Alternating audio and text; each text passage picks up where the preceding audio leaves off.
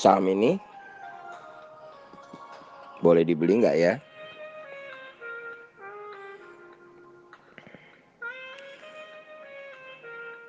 Pertanyaan ini adalah pertanyaan kedua yang paling sering ditanyakan. Apakah saham ini boleh dibeli nggak ya? Pertanyaan nomor satu yang paling sering ditanyakan, Mau beli saham apa ya? Pertanyaan yang mirip. Yang pertama, belum tahu mau beli apa. Sedangkan yang ada ke, yang nomor dua, sudah ada pilihan, tapi masih ragu. Apa yang membuat keraguan? Biasanya adalah ketakutan setelah membeli harganya akan turun. Jadi setelah membeli biasanya seseorang ingin harga pembeliannya adalah yang terendah dan gak lama kemudian harga sahamnya sudah harus naik. Untuk kondisi ini sudah pasti nggak ada jawaban yang benar-benar pasti. Karena kita berada di dalam sebuah pasar atau market. Jadi pertanyaan karena ingin tahu apakah harga beli sudah pas atau belum, gak mungkin ada jawabannya. Gimana mungkin kita bisa memastikan bahwa harga pembelian kita adalah yang terendah? Kita nggak nggak bisa memaksa ribuan orang lain membeli saham dengan harga di atas harga kita. Dan sampai hari ini sepertinya juga belum ada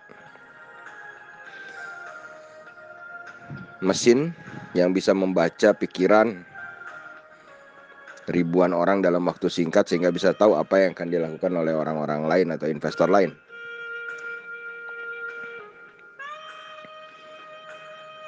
Jika benar ada cara untuk dua hal ini, sudah seharusnya orang yang menggunakan adalah investor yang paling berhasil di dunia. Karena apa pun transaksi yang dilakukan, sudah pasti akan menghasilkan uang. Tapi semua investor besar selalu konsisten menyatakan nggak bisa menebak apa yang terjadi di bursa. Jadi jawaban model ini nggak ada jawabannya. Tapi ini selalu akan jadi dilema karena harga adalah informasi yang paling sering dan paling gampang didapatkan. Dan kita cenderung mencari metode yang paling gampang. Jawaban jenis kedua yang diharapkan, apakah perusahaannya aman? Artinya setelah membeli, nggak ada masalah besar yang terjadi. Jawaban ini juga butuh penjelasan yang lumayan panjang. Intinya ada kekhawatiran bahwa perusahaan yang dibeli salah, sehingga menyebabkan kinerja investasi nggak maksimal. Berarti kita harus menemukan perusahaan yang cocok di harga yang pas. Kita dalam hal ini adalah masing-masing investor Gak bisa nyerahin nasib investasi pada orang lain.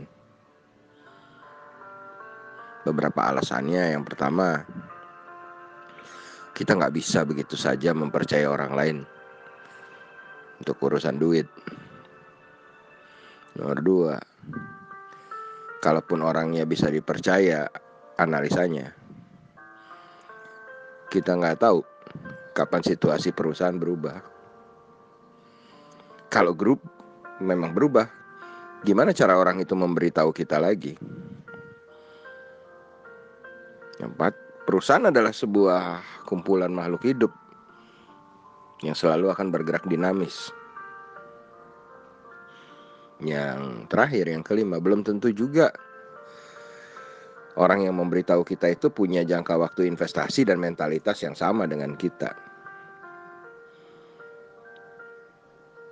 Banyak lagi alasan ngapa kita tidak bisa mencolek sembarangan orang kemudian bertanya ini bagus atau enggak. Kita sendiri yang harus mengikuti cerita si perusahaan. Kita yang harus memutuskan kapan saatnya membeli, saatnya menjual. Memilih perusahaan sendiri, banyak banget tuh kriterianya. Kita bisa mulai dari metode yang kita tahu dulu. Jika nggak tahu, berarti harus mencari tahu. Bisa dari orang-orang yang sudah terbukti sukses. Semua yang berhasil adalah memahami apa yang mereka lakukan. Dan semua mandiri dalam berinvestasi tidak menggantungkan nasibnya pada orang lain. Ini yang harus kita sadari. Saya rasa memilih perusahaan sudah banyak pembahasannya. Di banyak media Anda bisa baca. Setelah menemukan perusahaan yang bagus, yang cocok,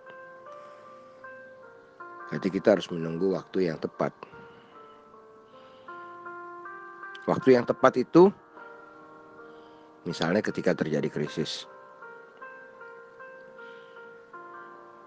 Nggak ada indikator yang tepat untuk menyatakan sekarang sedang krisis. Tapi krisis biasanya ditandai banyaknya berita buruk. Investor cenderung gampang panik, cemas.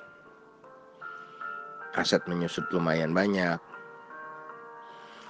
banyak hal tidak baik sedang terjadi. Ini adalah tanda bahwa banyak peluang bisa didapatkan dengan harga murah.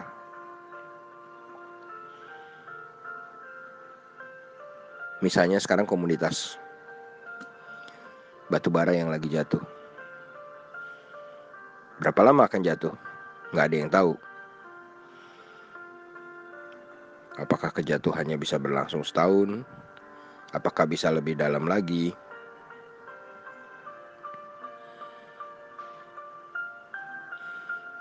Jadi,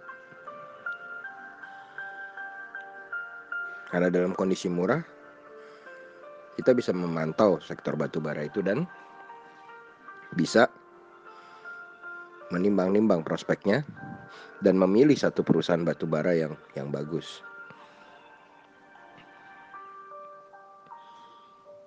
Selama kondisi murah terpenuhi, berarti mindset kita dalam membeli. Jangan kebalikannya. Waktu pasar saham jatuh, kita malah mau jualan. Justru pas saham jatuh adalah saat yang membeli. Cuman kembali lagi, apakah batu bara itu yang sudah murah itu akan kembali ke masa kejayaannya? Mengingat batu bara adalah sebuah komoditas eh, bahan bakar energi yang paling murah. Tapi bertentangan dengan clean and green energy. Inilah contoh analisa yang harus kita buat sendiri. Hal terpenting kenapa kita harus melakukan analisa sendiri adalah tanpa analisa yang kita buat sendiri. Kita akan cenderung gampang panik jika keadaan nggak sesuai harapan kita. Dan boleh percaya boleh enggak panik adalah musuh terbesar investor. Karena kita akan cenderung melakukan kesalahan dalam bertindak. Dengan analisa dan informasi saja Kadang jika situasi tidak bergerak sesuai harapan, kita udah bertanya-tanya. Apa ada yang salah dengan analisa saya? Apalagi Anda berinvestasi dalam keadaan buta sama sekali. Orang buta bisa saja memiliki alat bantu atau seseorang yang membantunya sepanjang waktu. Tapi Gimana kalau buta dalam berinvestasi? Siapa yang akan konsisten menemani kita? realistis saja jika kita tetap memilih jadi orang yang buta di investasi. Lebih baik uang kita kita serahin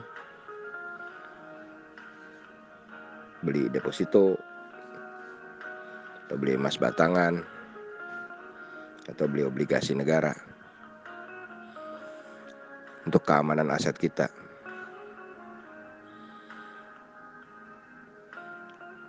Karena kalau kita berinvestasi dan buta, maka bisa akan terjadi kekacauan atau kepanikan dari diri kita sendiri. Di investasi ini bukan cuman investasi di pasar modal aja ya. Tapi investasi dalam katakanlah seseorang ingin membuat sebuah usaha sendiri atau bisnis sendiri pun ya tetap nggak boleh buta. Harus mengerti semua aspeknya. Nggak bisa kita lihat, wah Eh, dia jualan minuman boba laku ya. Kita pengen juga nih punya bisnis boba nggak bisa seperti itu. Sama juga dengan investasi di pasar modal. Wah dia enak ya. Bisa profit sekian nggak bisa seperti itu. Eh, sekian share dari saya. Semoga anda bisa betul-betul melek berinvestasi dan tentu saja menjadi kaya karena investasi. Terima kasih. Have a great day.